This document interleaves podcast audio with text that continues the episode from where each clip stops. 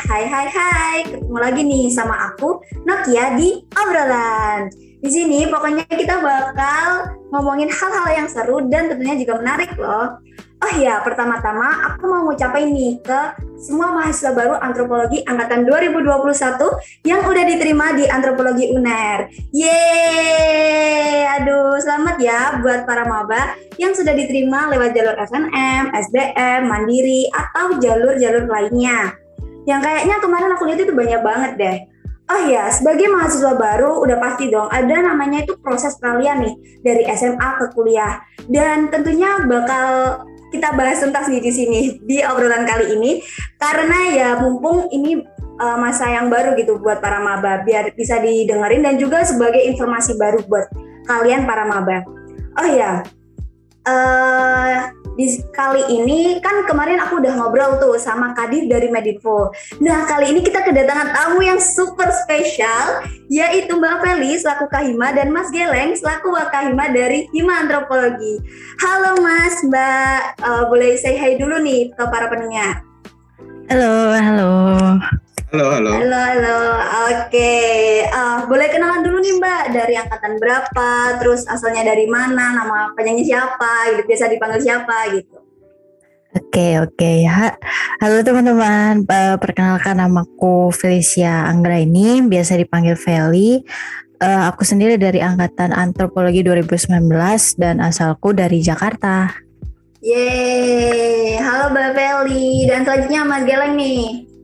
Uh, kenalin namaku Gilang Indana dari uh, Surabaya angkatan 2019 antropologi 2019 uh, biasanya aku dipanggil uh, kadang-kadang Gilang kadang-kadang uh, Geleng juga sih jadi halo teman-teman Halo, halo Mas Geleng, halo Mbak Feli. Wah, makasih banget ya Mas Mbak udah mau menyempatkan waktunya untuk ngobrol-ngobrol lagi nih sama aku di obrolan. Makasih banyak ya. Oh ya, uh, aku mau tanya nih langsung aja ya gimana nih perasaan Mas dan Mbak yang udah punya adik lagi nih? Setelah kemarin baru aku kan adiknya sekarang udah ada adik baru nih di angkatan 2021 gimana tuh perasaannya? Uh, kalau aku pribadi sih ya seneng banget gitu dan excited sih punya adik adik maba yang baru. Tapi kayak kurang gitu kurang gregetnya karena kan baru ketemunya secara online gitu. Nah kalau misalnya secara offline kan uh, biasa lebih asik gitu kayak ngumpul-ngumpul secara langsung. Tapi ya mau gimana lagi gitu ya pandemi juga. Ya mau nggak mau uh, ketemunya secara online ngezoom uh, tiap waktu gini gitu. Hmm, benar benar benar benar benar. Kalau Mas Geleng sendiri gimana tuh Ah kalau aku sih uh, yang pertama pasti ngerasa ngerasa tua ya yang pertama. Karena emang uh, sebelumnya itu uh, punya punya adik dari angkatan 2020 aja udah kayak ngerasa uh, ya tua juga sih. Cuman kayak ini 2021 gitu loh. 2020 aja masih belum sempat ketemu secara bener, offline. Bener. apalagi uh, tiba-tiba punya kayak adik baru lagi di angkatan 2021 sih emang kayak apa ya uh, ngerasa tua sih lebih tepatnya kan? Nggak nggak expect aja sih gitu. Oh, iya, iya. bener-bener. Aku sendiri yang uh, termasuk maba online pun ngerasa kayak loh kok aku tiba-tiba udah punya adik aja? Berarti kemarin deh aku semester satu tapi kok lah kok aku udah semester tiga? Aduh memang cepet banget ya dari ada calon gimana gimana? Ngerasa tua pasti beneran. Ya bener aja. Tiba-tiba udah punya adik lagi Iya. Dan waktu itu rasanya cepet banget gak sih Mas? Uh, Mas juga kan sama Mbak Pele juga sekarang udah semester 5 ya? Udah mau semester 5. Mm, benar benar. Oke oke oke. Oh ya Mas, nih ya Mas Mbak uh, ngomongin nih soal jadi maba kan banyak banget tuh proses seleksinya. Ada yang SNM, SBM, Mandiri dan lain-lain kan ya. Nah dan ada nih kayak misalkan pilih SNM, uh, antropologi ditaruh di pilihan satu, ada lagi yang ditaruh di pilihan dua gitu. Dan ada lagi yang kayak di pilihan dua itu kayak mikir, lah ya udahlah, ya uh, buat jaga-jaga aja. Ada yang kayak gitu kan Mas ya, kayak nggak uh, nggak terlalu berharap lebih gitu kan. Nah Uh, menurut Mas itu kayak gimana? Uh, bisa nggak diceritain tuh prosesnya dulu, Mas sama Mbak yang waktu masuk antro itu jalur apa? Dan kasih alasan kenapa kalian kok dulu itu milihnya di pilihan kedua atau pilihan ke satu kayak gitu? boleh dong di uh, apa nih diceritakan ke adik-adiknya gitu. Wah ini menarik banget ya kalau misalnya uh, aku flashback lagi nih proses aku bisa sampai masuk ke antro uner tuh, oh panjang banget ceritanya tuh. Aduh aduh aduh, gimana tuh gimana gimana? Jadi tuh apa ya kalau istilah uh, anak murid kan kalau misalnya udah mau masuk kuliah, aduh harus masuk SNM nih atau enggak SBM gitu-gitu kan. Nah, bener -bener.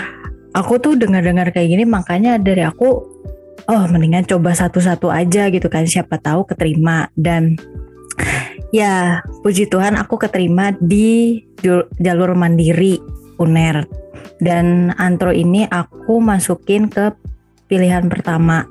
Karena uh, dulu papaku yang nyaranin sih untuk masuk antropologi. Soalnya pasti tanya kenapa mau ini? Karena aku kebayangnya pada saat itu tuh pengen kuliah yang uh, serba penelitian gitu kan. Hmm, nah, bener-bener. Jadinya uh, bapakku nyaranin itu ya udah aku akhirnya nyoba. Nah terus pasti jalur mandiri itu kan ada dua pilihan ya. Nah jalur pertama eh pilihan pertama ini aku itu antro yang kedua baru akuntansi kenapa akuntansi aku taruh taruh yang terakhir karena kan emang banyak banget peminatnya jadi nggak mungkin juga aku bakal bisa masuk situ jadinya aku pilihan pertamanya antropologi deh gitu dan puji Tuhan juga keterima. Alhamdulillah. Wah, keren keren keren. Aku merinding. Wah, aku merinding nih. Keren keren sekali sih mbak. Uh, pasti kalau misalkan ingat-ingat kayak gitu kan kayak wah aku gak nyangka sih bisa masuk ke sini gitu ya Mbak.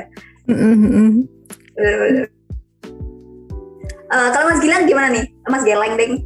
uh, kalau aku sih sebenarnya uh, aku uh, waktu waktu es waktu mau daftar di uh, Antro itu sebenarnya aku tuh kayak nggak uh, mau mencari jurusan yang uh, di mana mata kuliahnya tuh nggak ada hitung-hitungan sama sekali gitu loh. Karena oh, emang okay. aku dari dari SMA itu uh, emang nggak seberapa jago di hitung-hitungan dan terhitung kayak malah menurut kakak itu susah sih jadi kayak aku tuh cari sebisa mungkin jurusan yang uh, istilahnya nggak ada hitung-hitungan dan kayaknya aku bisa pede buat masuk gitu loh jadi ya udah aku milih di uh, yang pertama itu aku taruh pilihan pertama unar sama kedua itu administrasi bisnis gitu kan mm-hmm. jadi ya udah aku lewat dari uh, jalur SPM pilihan pertama ya udah terus uh, kaget aja sih keterima di antropologi UNER padahal aku yang nggak expect sebesar itu tapi ya alhamdulillah sih gitu. alhamdulillah ya Tadi seneng banget gak sih? Wah kayak lega banget. Ah,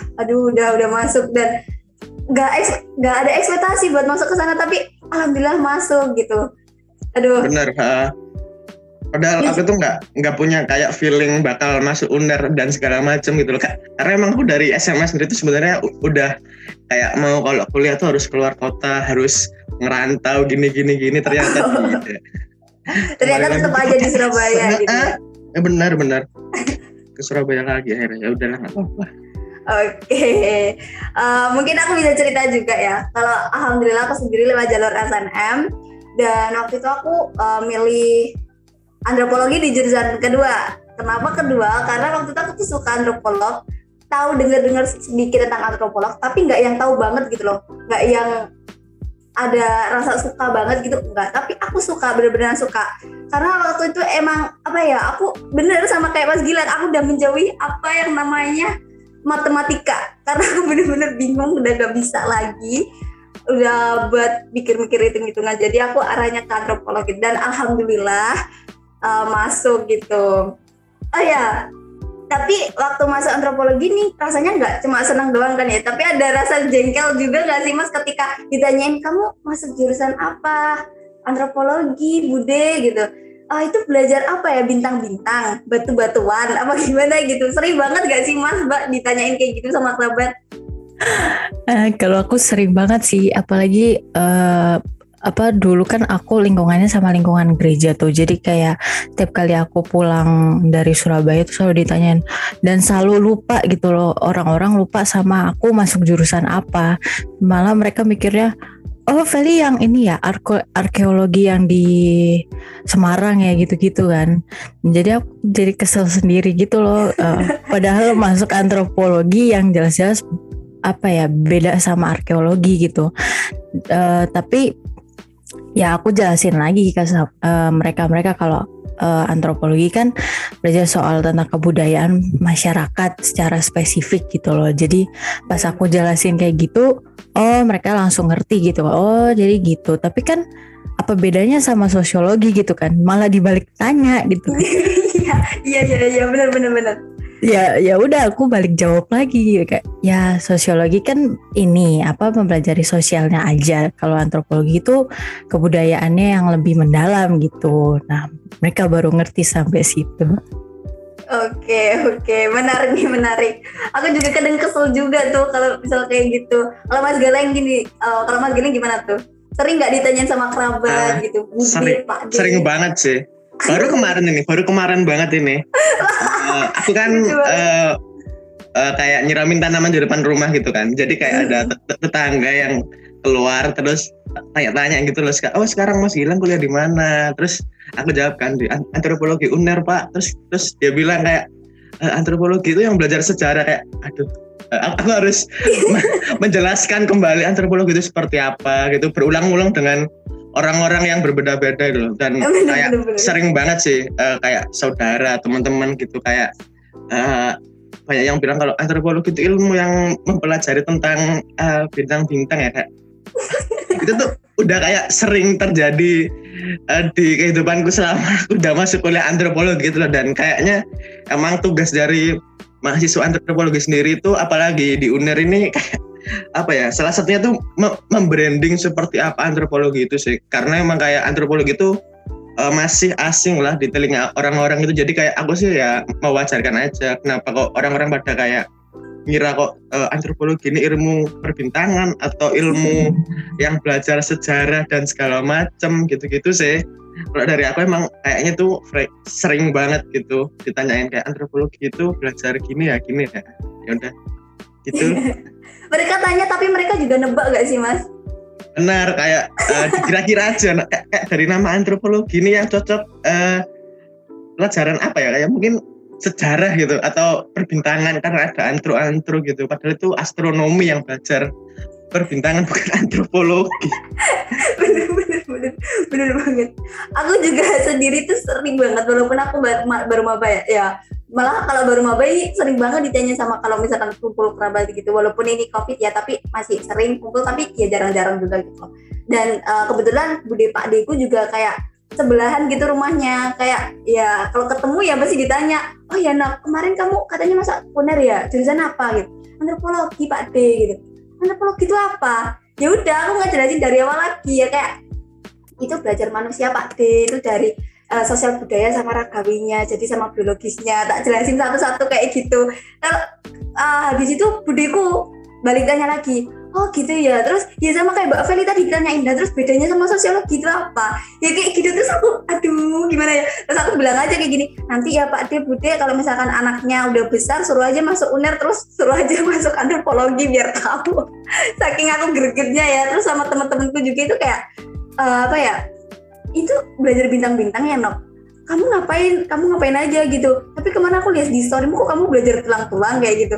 Aduh ya susah banget gitu loh buat mereka tahu. Tapi ya benar kata Mas Gilang tadi buat branding aja ya. Ngejelasin lagi di awal pelan-pelan kalau misalkan emang uh, antropologi itu belajar tentang manusia aja gitu. Tapi manusianya dari sudut sosial budaya dan juga uh, ragawi atau biologisnya. Apalagi di UNER kan emang ada dua sub bidang itu ya Mas ya. Nah oh iya. Hmm, apa ya ini? Uh, buat maba 21 jangan kaget ya. Kalau misal kalian ditanyain kayak gitu emang itu emang bakal sering banget kalian ditanyain gitu dan gak gampang buat jawabnya. Karena ya gimana pun uh, mereka itu pasti tetap uh, masih asing aja gitu sama nama antropologi. Dan kalian juga bisa jawab nih pakai cara aku Mbak Beli ataupun Mas Geleng. Mungkin kalau kalian belum tahu banget ya tentang antropologi. Oh ya aku mau tanya lagi nih Mas Mbak, uh, kan dulu pasti ada tuh ya namanya peralihan dari SMA ke kuliah dan pernah juga tuh ngerasin namanya culture shock. Nah, buat Mas Mbak pertama waktu masuk ke dunia perkuliahan itu uh, apakah Mas Mbak itu juga ngerasain culture shock yang bener-bener kayak berat banget atau masih yang ringan terus bisa adaptasi atau dan lain-lain gitu mungkin bisa diceritakan dari pekerjaan tugas terus mulai dari bahasanya kan Mbak Feli juga dari Jakarta ya setahu aku iya Mbak ya Iya iya, bener bener. Ya. Terus gimana cara adaptasinya Mbak Feli di daerah Surabaya yang bahasanya yang juga lumayan agak beda juga. Terus mungkin makanan, terus tugas-tugas sama dosennya dan lain-lain mungkin bisa diceritain tuh. Kalau aku sih apa ya kerasa ya culture shocknya karena uh, uh, di lingkungan Jakarta sendiri apa ya uh, aku gak nggak terlalu punya banyak temen yang uh, terus-terusan selalu ada gitu loh. Walaupun emang bahasanya sama gitu tapi pas aku ngerasain di UNER ini kayak walaupun ada perbedaan bahasa itu juga kendala utama pas di awal. Itu tapi masih ada yang ngedukung gitu loh satu sama lain. Nah habis itu kalau yang untuk masalah bahasa tuh uh, kalau ini aku tuh sering banget kayak selalu nanya gitu kan. Misalnya nih uh, aku ngobrol sama Gilang dia pakai bahasa bahasa Jawa nih. Pasti aku nanya eh apa sih artinya gini gini gini? Terus sorry ya aku masih nggak ngerti gini gini. Di awal aku begitu tapi kelamaan jadi ngerti aja orang ngomong pakai bahasa Jawa berantem pakai bahasa Jawa ternyata asik juga gitu loh. Jadi uh, culture shocknya udah mulai merambat laun udah udah nyaman gitu sama bahasa Jawa. Dan sebenarnya keluarga aku juga kan dari Jawa jadi ya harus aku pelajari lama-lama bahasa Jawa itu. Hmm, oke oke benar-benar. Kalau dari tugas nih, Mbak, gimana tuh? Apa sempet kaget? Aduh, ternyata disuruh ngarang terus ya gitu, disuruh nulis terus ya gitu, atau gimana? Kalau dari tugas, uh, aku SMA juga hampir sama kayak gini, cuman ini mungkin lebih detail kali ya kan di SMA cuma dasar-dasarnya aja waktu itu pas pernah tuh uh, uas gitu kan hektik banget. Pokoknya ngumpulin hari itu juga jadi ya udah. Habis pulang dari kelar uas aku pulang ke kosan langsung kerjain. Aku balik lagi ke kampus aku kumpulin langsung. Deadline-nya kayak enggak yang kalau misalkan SMA itu kan jarak seminggu atau berapa gitu. Ini langsung kayak sehari gitu ya? Mm, karena aku sendiri kan anak kosan, jadi eh, nggak uh, mau ada beban gitu loh. Jadi langsung dikasih tugas, aku langsung kelar. Kalau bisa eh lebih cepat selesai, lebih cepat kelar kan gitu. Jadi langsung aja aku kerjain, aku balik kampus lagi kumpulin deh. Oh gitu. Per, uh, waktu dulu kan masih sempat offline ya mbak ya? Mm -mm. Uh, pernah ngerasain homesick gak? Kayak kangen rumah gitu? Atau gimana? Pribadi sih enggak. Karena di Surab uh, di Surabaya sendiri aku ada keluarga. Dan kalau sama yang di Jakarta aku hampir setiap hari tuh video call di kosan. Walaupun keluarga di Jakarta mungkin ada sibuk tiba-tiba aku video call aja. Tanpa tanpa ada rasa kayak aduh lagi ngapain ya? Udah aku aku gabut aku video call aja udah gitu. Hampir setiap hari. Jatuhnya kan nggak homesick ya. Oh iya benar benar benar sekarang gantian nih Mas Gerlen. Nah Mas Gerlen sendiri gimana tuh kultur shocknya waktu masa peralihan dari SMA ke kuliah? Gitu uh, yang pertama sih mungkin uh, benar kata Ferry tadi yang kayak masalah uh, tentang pertemanan dan bahasa itu emang kayak uh, salah satu problem yang aku hadapin waktu awal-awal masuk kuliah. Karena emang apa ya dari angkatanku sendiri tuh kayak banyak emang yang dari luar kota dan, dan punya bahasa sendiri-sendiri gitu loh. Jadi kayak kadang-kadang aku yang menyesuaikan mereka buat bicara terus kadang-kadang uh, mereka yang menyesuaikan buat bicara sama aku itu. Jadi kayak emang bener-bener itu sih uh, kaget aja. Karena emang di SMA sih kan karena aku emang dari kecil di Surabaya juga. Dan uh, ya kalau ngomong tuh ya bahasa Jawa aja. Bahasa Indonesia itu cuman kayak sama guru atau sama orang yang lebih tua gitu sih. Jadi kayak punya temen yang uh, punya apa ya karakteristik bahasa yang beda tuh kayak pertama yang rasa emang kayak aduh gimana cara ngomongnya? Aku nggak tahu. Terus kayak ya wes uh, lambat laun mulai kayak adaptasi dan ya sejauh ini berhasil sih. Gitu. Kalau mulai dari tugas-tugasnya mas apa ada yang susah atau gimana? Uh, kalau dari tugas sih sebenarnya waktu awal masuk kuliah banget hari hari pertama bahkan setahu aku kayak uh, disuruh disuruh nyari tugas disuruh ke perpustakaan apa suruh nyari kayak daftar pustaka gitu kayak aku tuh bingung kayak eh, ini tuh gimana ya cara aku soalnya emang nggak tahu uh, di di SMA itu kok di SMA itu emang kayak tugas tuh nggak nggak sedetail ini dan sekompleks waktu kuliah gitu jadi kayak agak bingung sih gitu. Bener bener bener. bener. sama sama itu sih uh, kultur sekolah gitu kayak ini mungkin kayak menurut kita kayak keren deh karena memang kan di SMA kan kayak kita tuh uh, kalau setiap hari tuh kayak uh, kalau mau berangkat sekolah tuh kayak pakai seragam gitu tuh kan jadi kayak emang ya udah gitu-gitu aja gitu loh Nah, kalau kuliah ini emang bisa kayak mengekspresikan diri sebebas-bebasnya jadi kayak emang kadang-kadang pakai baju yang ini baju yang itu uh, kayak kalau aku sih ada-ada berangkat kuliah tuh kayak harus bingung uh, nentuin baju yang mana aku bak aku bakal pakai waktu kuliah gitu-gitu sih kayak itu jadi emang kayak beda ya gitu dan kapan lagi kamu bisa uh, pergi kayak belajar cuman kayak dengan outfit yang menurutku kayak setelan kayak mau jalan-jalan gitu aja sih itu kayak aneh aja sebenarnya. Oke oke. Oke oke keren banget keren banget lucu lucu lucu.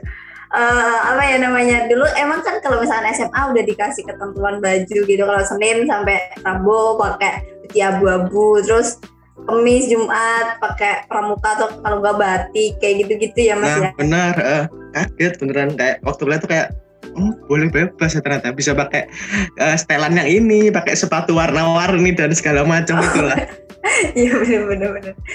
Eh, kalau di online nggak bisa ya Mas ya masih tetap pakai baju biasa. bisa aja. sama aja nggak bisa Bisa. show off sama aja Iya, bener-bener. Apalagi aku juga eh, kalau misalkan matkul juga itu ya kayak pakai baju tidur terus dikasih jaket terus kerudungan gitu aja terus langsung ngezoom. Ya karena apa ya mau siap-siap juga mau ngapain mau ke mana gitu mikir lagi gitu karena ya online gini ya. Eh, aku juga mau cerita sedikit nih. Aku dulu juga pernah kultur shock banget. Jadi yang pertama itu dari eh, pertemanan sama juga dari uh, berbagai bahasa dari belahan Indonesia karena teman-temannya emang banyak dari beberapa daerah yang di luar pulau juga banyak gitu kan ya. Nah, aku juga ada sempat itu sih pernah sampai sakit juga gara-gara tugasnya. Emang tugasnya itu uh gitu banget kan ya susah banget. Uh, apalagi di matkul TPI. Iya nggak mas? Iya nggak mbak? Bener gak? bener sih kalau semester satu emang kayak ya yang tadi aku bilang tuh loh yang kayak eh, disuruh ke perpus buat jadi daftar pustakaan itu tugas TPI itu bener kayak Iya. kok ada tugas kayak gini Maksud- maksudnya kayak emang bener-bener eh, sedetail dan kompleks gitu jarang-jarang aku pernah dapet tugas kayak gini waktu SMA makanya kayak ya boleh ya sekalian belajar sih hitungannya gitu Ah, ah, ah. Kalau Mbak Feli gimana mbak? Bener sih apa yang kata Gilang. Waktu itu kita tuh kayaknya bukan Gilang doang sih yang bolak-balik perpus. Eh, satu angkatan kita juga kayaknya bolak-balik perpus gitu loh. Jadi eh, dulu pas offline kan yang pas jam-jam istirahat tuh orang pada makan sisanya pada ke perpus yang nggak pada makan gitu kan ke perpus. Nah aku tuh waktu itu eh, masih ada satu hari yang kita libur. Jadi eh, pas libur tuh iya kita ketemuannya pada di perpus semua ngerjain itu sambil kelompokan gitu-gitu bawa laptop pokoknya apa ya eh, tugasnya tuh rada ribet dan eh, menghabiskan waktu di perpus banyak gitu loh tapi seru sih jadi ngerjainnya bareng-bareng gitu Mm. Aduh seru banget ya kalau offline. Aduh aku yang online kayak ngerasa. aku dulu nyari tugas-tugas juga di Google gitu, nyari awalnya referensi-referensi gitu kan. Dulu juga sempat uh, apa ya disuruh nyari daftar pustaka itu kayak gimana, cara pakai Mendeley itu juga kayak gimana, terus eh terus terus uh, cara ngekutip suatu tulisan orang itu kayak gimana itu aduh aku kaget banget. Dulu SMA cuma kayak copy paste aja copy paste aja gitu. Tinggal di Google di copy paste udah jadi dikumpulin gitu. Dan sekarang waktu kuliah kayak ah kamu copy paste ya udah siap-siap nilai kamu jelek aja gitu. Iya kan ya mas ya?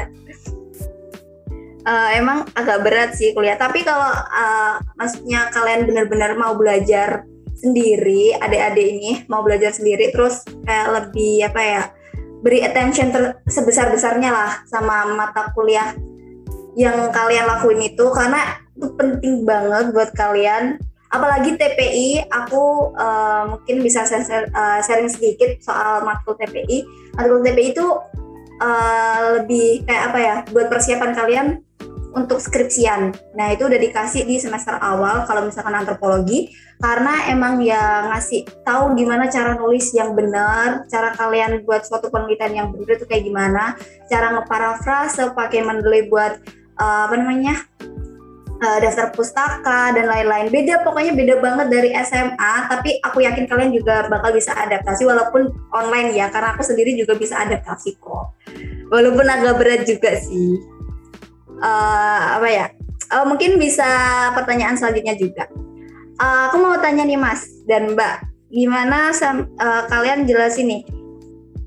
Kalian mau kan di uh, antropologi UNER itu ada dua jurusan, ada sosbud sama ragawi. Nah, ceritain dong proses kalian dari uh, dari semester 1 sampai sekarang dan kalian yakin di mana sekarang tuh di ragawi apa di sosbud itu buat nanti skripsiannya.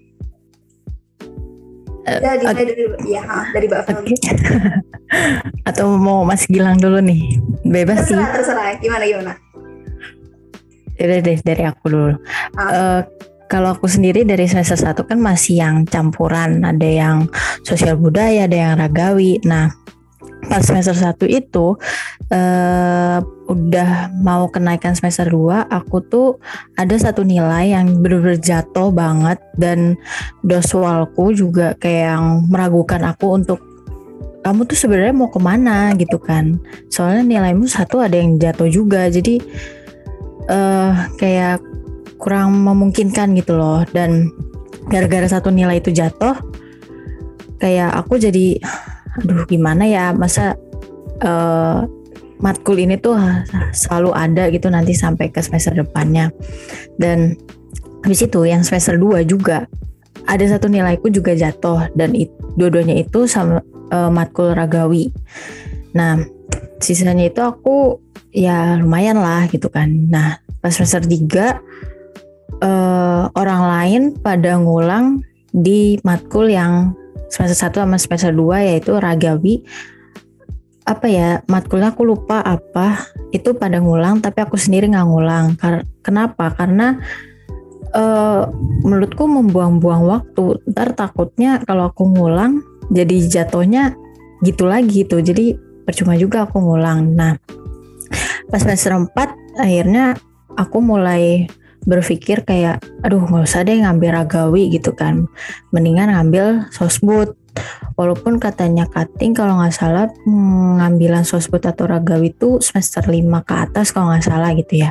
Tapi semester ke semester keempat itu udah mulai bisa ngambil uh, matkul-matkul yang misalnya mau ke arah sosbud mau ke arah ragawi atau nggak dua-duanya tuh masih bisa. Nah kemarin yang semester 4 ini aku rata-rata mengambil matkul yang ke arah sosbud karena aku berpikir kalau oh aku mampu gitu loh. Masih masih uh, logikaku masih jalan di sosbud dan masih bisa aku kerjain lah gitu loh. Pada uh, walaupun kalau misalnya mungkin nilainya nggak sebagus yang sesuai ekspektasi gitu kan. Cuman setidaknya uh, aku ngambil matkul di Kara Sosbud itu udah aman gitu loh. Jadi nilai apa nilainya juga harus makin menaik lah biar nanti pas mau masa-masa skripsi dan sidang tuh ya aman walaupun belum bisa kayak kumlot atau nggak apa. Jadi aku mengambil ke arah sosbud gitu. Wah keren keren keren mbak. Aduh aku jadi bingung. Terus misalnya Mas Gilang gimana tuh?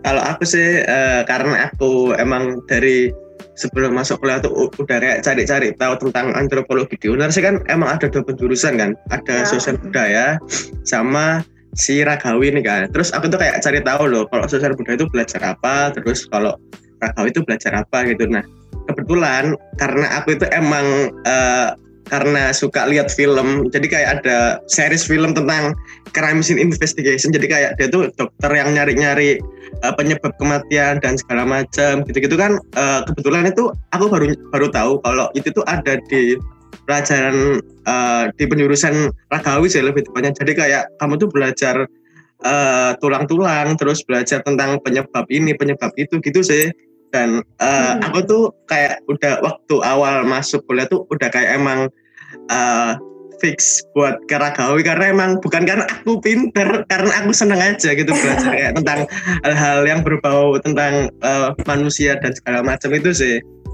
Gitu mak. Ma makanya aku kayak uh, langsung ya udah karena walaupun nilaiku di semester satu dan di semester dua itu nggak nggak bagus-bagus banget seenggaknya uh, aku suka dulu sih sama pelajarannya biar seenggaknya nanti waktu aku uh, belajar itu aku ada semangatnya gitu buat belajar hal itu. Walaupun emang diragawi ini uh, apa ya karena banyak yang bilang emang susah sih. Ya bener emang susah. Cuman kayak kalau udah seneng duluan itu jadi kayak apa ya uh, susahnya tuh kayak bisa ketutup gitu loh sama rasa senangnya karena emang mau belajar gitu aja sih kalau dari aku. Dan uh, kadang-kadang aku juga kayak bingung kenapa kok bisa aku milih ragawi. Karena uh, walaupun di ragawi ini ada kayak hitung-hitungannya gitu. Jadi kayak aku tuh kadang-kadang bingung. Aku tuh nggak suka hitung-hitungan tapi kenapa kok jalan ini yang bakal aku ambil gitu loh. Jadi kayak ya udah nggak apa-apa lah. Yang penting bisa dipelajarin dulu aja sih gitu. Uh, uh, apa ya? Aku sendiri juga mikir kayak gitu sih mas. Tapi kan kalau misalkan apa ya dua-duanya itu punya suatu hal yang uh, apa ya namanya ya uh, kelebihan sama kekurangan gitu kan ya. Kalau kalian pengen masuk ke sosbud berarti ya kalian uh, terjunnya nanti ke masyarakat, ke hal-hal yang uh, lebih ke adat istiadat kayak. Sedangkan keragawi ya kayak, kayak, kayak tadi Mas Gilang itu nyari-nyari uh, tulang, belajar-belajar tentang kematian, walaupun ada gitu-gitungannya juga, tapi itu bikin penasaran. Kalau udah bikin penasaran, kepo banget gitu kan. ya. Oke, aku lanjut. Aku sendiri, aku pribadi juga masih bingung mau ambil ragawi ataupun sosial budaya. Karena sama kayak Mbak Feli aku juga nilainya ragawi itu juga nggak terlalu memuaskan. Jadi aku bingung. Terus kalau aku di sosial budaya aku juga bingung nanti gimana ya. Aku pengennya ini tapi aku ngambil ini kan juga susah banget toh. Jadi aku masih menyiapkan gitu. Karena mereka dua-dua jurus dua jurusan yang menjurus ini punya sisi positif sama negatif sendiri-sendiri gitu. Punya kelebihannya masing-masing gitu kan jadi aku masih bingung masih bimbang aja gitu. Nah buat adik-adik maba ini yang baru masuk menurut aku nikmati dulu aja buat semester 1 sama semester 2 tingkatin nilai kalian di situ pusatin karena semakin nanti semakin semester naiknya itu itu semakin susah gitu. Apa? Matkulnya itu semakin susah. Jadi kalau bisa kalian pusatin tapi nyantai aja gitu. Jangan yang kayak uh, apa ya yang ambis banget gitu jangan. Nanti kalian eh, nggak uh, punya waktu buat main juga gitu. Yang penting pokoknya santai aja tapi kalian juga serius gitu di uh, kuliah kalian seperti itu.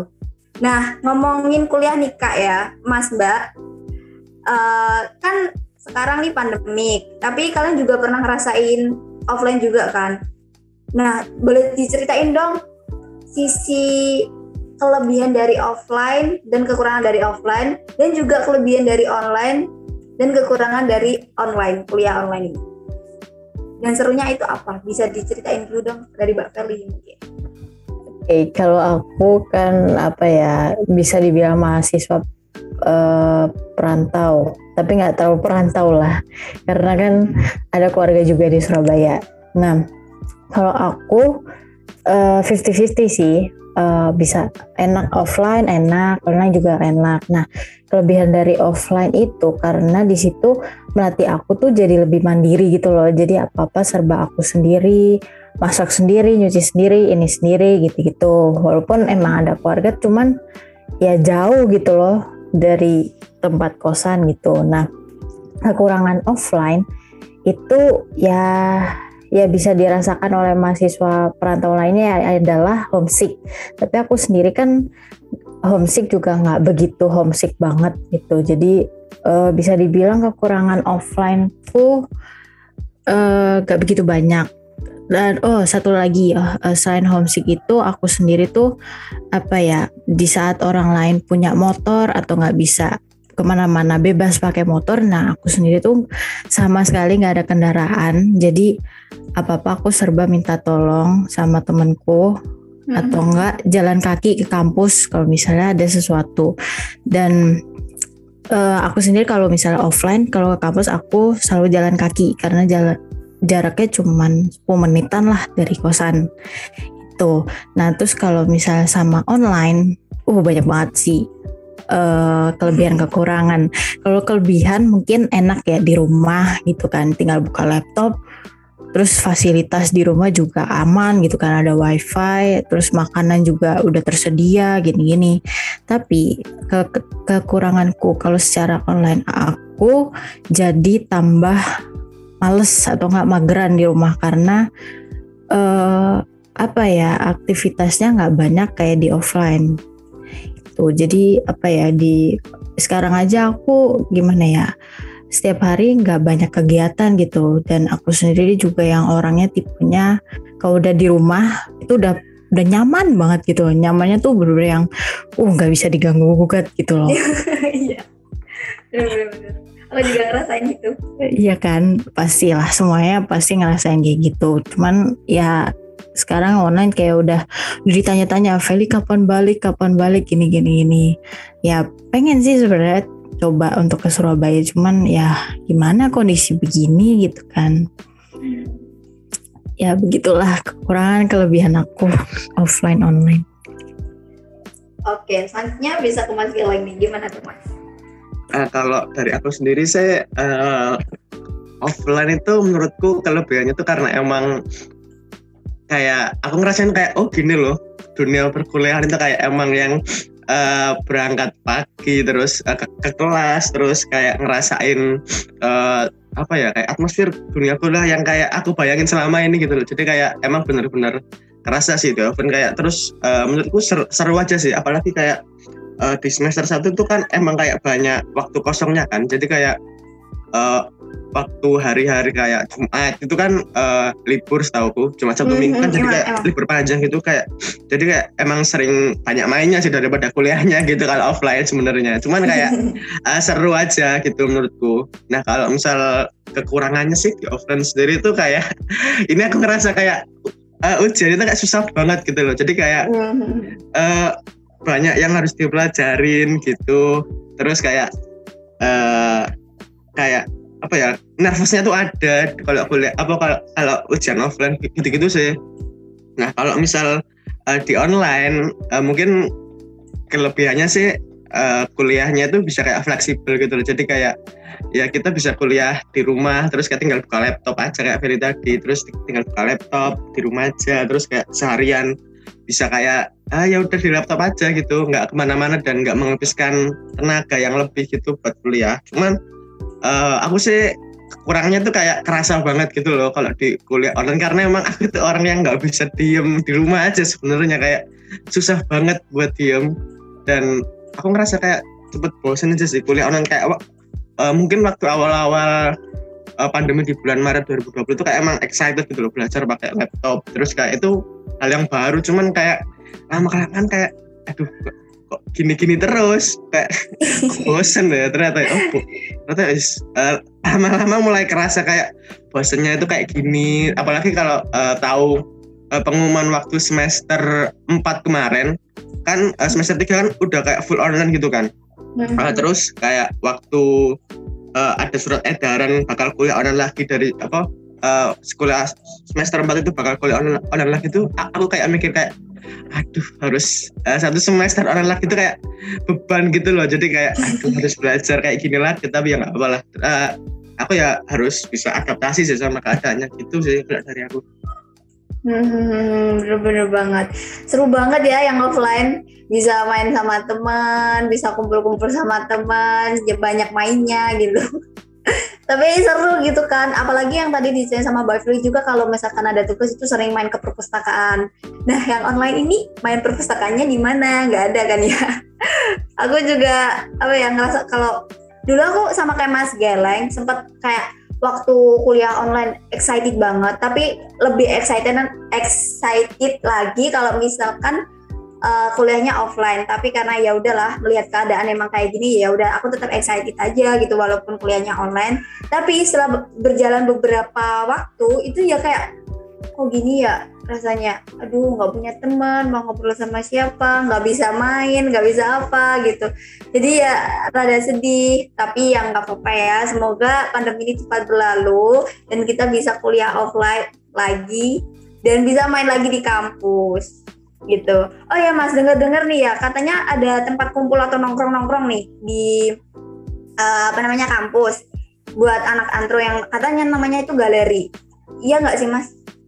Itu gimana tuh tempat nongkrong? Bener sih kayak apa ya di di visip sih lebih tepatnya kayak uh, di di pinggir di pinggir visip tuh kayak yang mengelilingi visip itu jadi kayak kayak ada tempat-tempat dudukan gitu sebenarnya buat uh, mahasiswa visip gitu buat kayak entah itu uh, buat uh, ngumpul kadang-kadang juga buat nugas terus kayak buat diskusi juga banyak gitu. Jadi namanya uh, namanya tuh galeri. Jadi kayak uh, um, mungkin kalau teman-teman uh, suka pakai kayak Google Google apa ya? Google Earth atau Google View sih loh yang yang kayak keliling-keliling gitu bisa dilihat sih kalau waktu uh, lihat di visit uner gitu. Jadi kayak kayak ada tempat dudukan uh, di visit gitu. Yang kayak itu kalau waktu offline dulu itu emang kayak dibuat uh, dibuat nugas terus kayak dibuat uh, ngobrol juga sama teman-teman terus kadang-kadang juga dibuat uh, nongkrong gitu-gitu sih sebenarnya kayak uh, tempat yang multifungsi gitu dan selalu rame sih.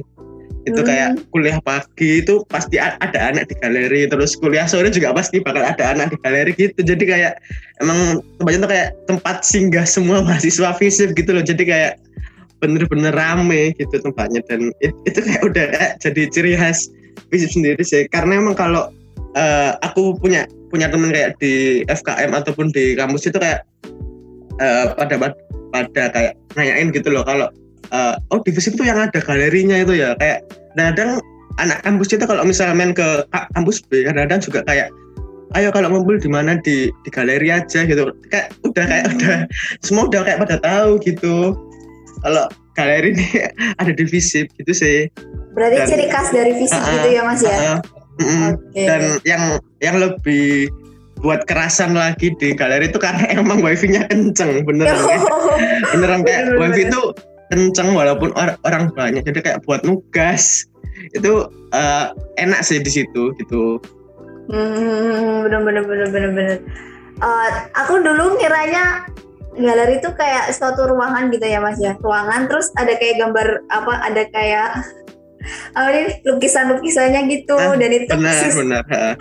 dan itu uh, khusus buat anak antro gitu. Mikirku tuh kayak gitu dulu. Ternyata kayak gini ya. Jadi iya lebih dulu uh, benar. Gimana kalau aku itu dulu itu waktu pertama masuk uh, visip tuh kayak uh, apa sih galeri itu kayak aku tuh mikir kayak bener kayak kayak eksebisi gelaran gitu loh kayak iya Tuh, ternyata waktu aku main itu galeri itu apa sih? Ternyata ya ya wes tempat tujuan yang aku duduk itu namanya galeri kayak wah aku kira tuh kayak apa gitu galeri tempat tempat dudukan gitu-gitu ya Allah terus kayak yang, yang namanya galeri itu.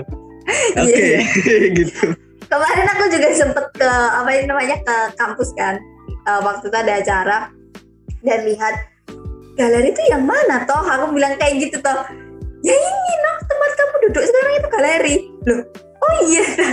Akhirnya kayak tadi yang ada apa namanya uh, gambar-gambarnya lukisan-lukisannya yang uh, ngasih ciri khas banget buat anak antro gitu. Tak kira gitu. Ternyata itu memang ciri khas dari anak fisip ya? Oke. Okay. benar uh, benar gitu. Seru juga ya ternyata kalau misalnya punya tempat tongkrongan kayak gitu bagi anak antropreneur ataupun juga anak fisip juga nih Oh ya, uh, biasanya kalau di situ juga buat silaturahmi juga gak sih mas? Buat kenal-kenal anak fisik juga, terus buat kenal sama kating-kating angkatan berapa-berapa juga gitu kan ya mas ya? Iya bener karena emang uh, tepatnya tuh kayak tempat berkumpul semua mahasiswa fisik gitu. Jadi kayak uh, bener-bener apa ya uh, banyak dikunjungi sama orang-orang sih gitu. Jadi makanya kayak ada kadang ketemu kayak cutting dari angkatan 17, 18 gitu-gitu. Kayak hmm. sering banyak ketemu orang-orang yang berbeda dari angkatan gitu. Kadang-kadang juga uh, bisa apa ya? Uh, bisa juga kumpul sama teman-teman yang dari jurusan lain gitu loh. Kayak misal dari sosio, kadang-kadang aku juga main ke galerinya sosio gitu-gitu. Seru sih. Hmm, benar-benar. Jadi silaturahminya juga terjalin di situ ya? Ah uh, benar. Uh, gitu. Nah, bagi uh, maba-maba 2021 nih, sama 2020 lah masih bisa dibilang wabah kalau bisa tetap jalin silaturahmi juga ya seperti uh, yang tahun kemarin-kemarin kating-kating juga gitu walaupun kita secara online juga bisa kan melalui beberapa platform kayak Zoom, uh, ataupun bisa chat line gitu bisa uh, dijalin gitu silaturahminya biar ngerasa kalau misalkan oh iya kita udah uh, angkatan ini kita udah keluarga dari jurusan dan prodi ini kayak gitu. Uh, terakhir nih mas. Eh belum belum belum terakhir. Oh ya kalau kuliah tuh kan ada yang namanya doswal ya mas ya? Ya mbak Vel ya? Iya nah, benar dos, uh -uh. doswal itu biasanya kalau misalkan offline itu sering kayak ketemu terus diskusi atau gimana sih mbak? Kalau misalkan apa kita kalau emang butuh konsultasi aja atau gimana waktu itu aku ini apa aku sama teman-temanku buat dua grup yang isinya tuh ada satu yang sama doswal, ada yang satu yang mangga. Nah, kalau grup yang sama yang yang nggak sama doswal itu kadang kita diskusiin dulu kayak eh kapan nih mau ketemu sama doswalnya gitu kan biar nanti KRS-an biar kita jadi lebih gampang gitu kan milihnya gimana. Terus sudah didiskusiin itu barulah kita nanya ke doswalnya kapan bisa ketemu, kapan ada jadwalnya. Nah pas offline itu kebetulan eh aku sama teman-temanku tuh ada yang mencar. Jadi uh, ada yang tiga orang udah ketemu sama doswalnya duluan.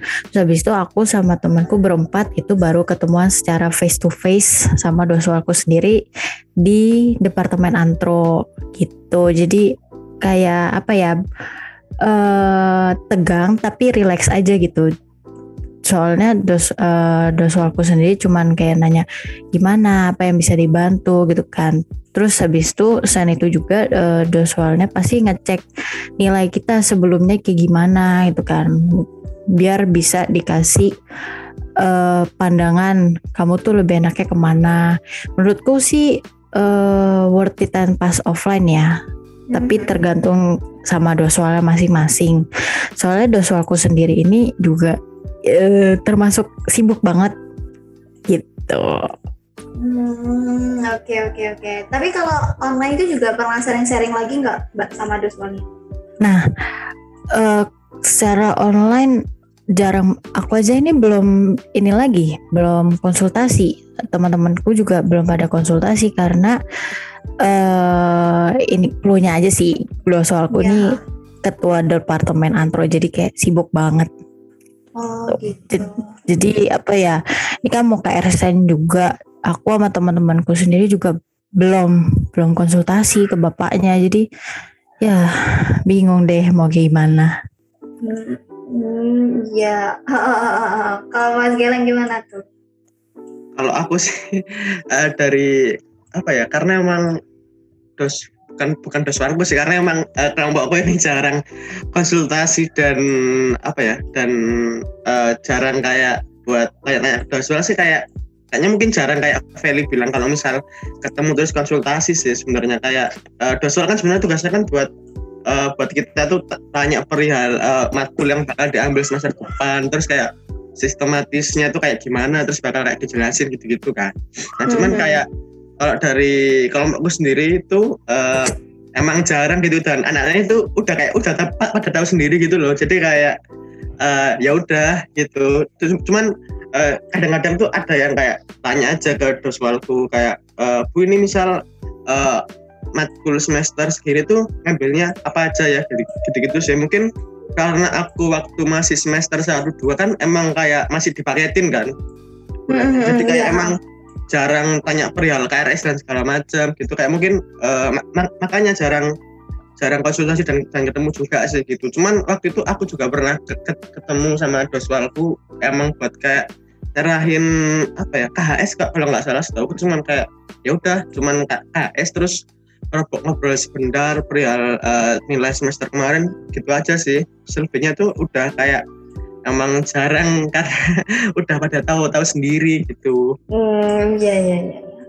Oke oke oke. Makasih Mas Gere sama Mbak Feli tadi uh, bakalan informatif banget buat adik-adiknya juga nanti Mamba 21 buat yang dengerin podcast ini ya tentunya. Terakhir nih ya Mas Mbak, mungkin sebagai Kahima dan Wakahima punya tips dan trik nih buat uh, Maba 2021. Bisa disampaikan Mbak, monggo. Kalau aku uh, buat uh, adik-adik maba uh, semester 1 sama semester 2 puas-puasin kalian uh, maksudnya seimbangin antara kuliah dan mainnya gitu. Apalagi kalau lagi offline gitu puas-puasin aja ketemu sama teman-temanmu karena uh, di saat kita ketemu sama teman itu di situ kita bisa diskusi saling diskusi gimana sih uh, kuliah yang kuliah yang benar tuh kayak gimana terus ntar matkulnya apa aja. Terus mungkin uh, kalau yang suka mau men mendalami jurusan antro terus diskusi lebih dalam itu mungkin lebih sering-sering ketemu dan diskusi aja sama teman-temanmu. Terus um, apa lagi ya uh, pokoknya uh, untuk semester 1 sama semester sampai semester 3 lah. Itu puas-puasnya masa-masa uh, yang belum pusing-pusing amat. Tuh terus kalau udah semester 4 sampai semester ke atas itu mulai apa ya menurutku lebih fokus aja dan banyakin baca referensi-referensi buku dari misalnya dari cutting yang ngasih tahu atau nggak dari dosen yang ngasih tahu karena itu sangat uh, efektif banget buat kalian misalnya kalau mau yang mau nulis atau nggak uh, bikin karya atau nggak misalnya kuliahnya kalian mau yang uh pokoknya aku matkul ini harus ini ya banyakin baca aja gitu. Tips dari aku sih gitu aja Oke, makasih Bang Feli. Bisa dilanjut nih dari Mas Geleng. Uh, kalau aku sih tipsnya mungkin itu ya sama kayak Feli. Cuman aku lebih nekenin ke itu sih uh, ke sering-sering baca buku atau jurnal aja sih karena emang uh, apa ya yang aku rasain waktu kuliah itu emang kalau kalau kita nggak baca itu bakal kayak ke kekurangan referensi dan ketinggalan jauh gitu sih jadi kayak mau nggak mau tuh ya kamu harus bisa bisa cari referensi sebanyak-banyaknya terus ngambil uh, ilmu sebanyak-banyaknya dari berbagai hal sih. Jadi kayak nggak nggak cuman baca buku aja atau baca jurnal aja. Kadang-kadang kayak uh, platform YouTube juga bisa dibuat belajar sih gitu. Kayak kalau aku sih yang tak rasain itu selama uh, karena ini mungkin kuliah online ya. Jadi kayak aku uh, lebih banyak kayak belajar hal-hal yang baru lewat YouTube terus kayak uh, lewat uh, jurnal. Kadang-kadang juga uh, apa ya sering ngobrol sama teman-teman aja sih kayak bahas tentang uh, kuliah ini terus tentang materi ini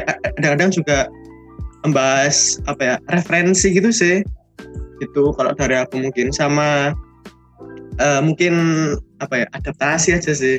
Karena emang maksudnya kayak gini terus ya cara belajar juga menurutku harus itu sih beradaptasi juga gitu. Hmm. dari aku Makasih banget Mas Geleng atas tips dan triksnya. Aku juga uh, mau ngasih nih tips dan triks buat adik-adik sekalian yang uh, pastinya ini kan bakal online gitu ya. Uh, kalau misalkan pelajaran, siap-siap uh, nyiapin notes buat nulis hal-hal uh, penting yang udah dijelasin sama dosen karena hal itu juga bisa keluar nantinya di UTS ataupun UAS. Jadi siap-siapin notes dan lain-lain siap-siapin kopi juga makanan. Kalau misalkan kalian juga gampang ngantuk di depan laptop bisa banget itu. Aku juga pakai itu. Uh, dan terus kalau misalkan kalian ngerasa sendirian kalian sebenarnya itu nggak sendirian cuma kalian belum aja komunikasi secara langsung sama teman-teman kalian. Jadi bisa dijaga silatur silaturahmi kalian dengan misalkan chatan sama teman di grup terus bisa ngezoom bareng dan lain-lain biar uh, apa ya ikatan tali kalian sama teman-teman kalian itu juga uh, ada gitu walaupun belum pernah ketemu walaupun masih online seperti itu. Pokoknya sekali lagi selamat buat mahasiswa baru angkatan 2021 yang udah diterima dan selamat berproses di hutan Blender ini. Jadi welcome to the jungle. Yeay. Karena itu tadi terakhir, mungkin sekian dulu ya dari aku di episode kali ini. Terima kasih buat Mbak Feli dan terima kasih juga buat Mas Geleng selaku Kahima dan Wakahima dari Hima Antropologi. Udah mau nyempetin waktu dan hadir di sini dan juga berbagi pengalamannya uh, di kuliah online maupun offline karena emang Mas Geleng sama Mbak Feli ngerasain kedua hal itu ya situasi itu. Ya mungkin Mbak Feli sama Mas Geleng bisa nih berikan closing statement gitu di akhir buat para pendengar Maba 2021. Yes, uh, sebelum closing statement nih, aku cuma uh, mau ngucapin selamat datang untuk uh, mahasiswa baru antropologi 2021. Uh, semoga di antropologi ini kalian menjadi lebih berkembang, uh, menjadi mahasiswa yang lebih aktif dan lebih uh, saling berkomunikasi dengan yang lain untuk membangun jaringan-jaringan uh, komunikasi uh, baik dari melalui mata kuliah bisa terus melalui jaringan uh, pergaulan antara mahasiswa. Jadi kayak lebih diskusi-diskusi dan pada intinya kalian jangan patah semangat untuk berada di antropologi ini karena semakin kalian uh, beranjak ke semester ke depannya maka mata mata kuliah itu akan semakin seru dan kalau misalnya kalian menikmati maka kalian akan menjadi lebih senang belajar di antropologi ini. Oke, bisa dilanjuti dari Mas Gileng. Kalau dari aku sih mungkin uh, apa ya semangat dan selamat sih karena udah masuk UNER. Uh, terus uh, mungkin uh, di kuliah ini bisa jadi waktu kalian buat uh, jadi orang yang kalian pengen di waktu nanti gitu. Jadi kayak kalian mulai belajar hal-hal yang uh, baru terus dan segala macam itu sih. Jadi uh, mungkin uh, apa ya selamat berproses mungkin gitu katanya. Jadi uh, kalian bisa explore seluas-luasnya tentang ilmu-ilmu baru dan hal-hal baru yang ada di dunia perkuliahan ini. Gitu kalau dari aku. Oke, makasih Mbak Meli, makasih juga Mas Gilang buat closing statementnya. Oh ya, buat para pendengar, untuk info selanjutnya mengenai episode terbaru dari obrolan ini bisa kalian pantengin di Instagram Hima Antropologi UNER di @antropologiuner. Oke, aku mohon maaf ya kalau misalkan ada salah kata Mas Mbak, maaf ya kalau misalnya grogi terus banyak yang salah-salah gitu. Santai, santai. Santai, nggak apa-apa. Oke, aku Nokia dan Mbak Feli juga Mas Geleng pamit dulu dan sampai jumpa lagi di episode selanjutnya. Dadah. Dadah. Stay healthy semuanya. Yeay.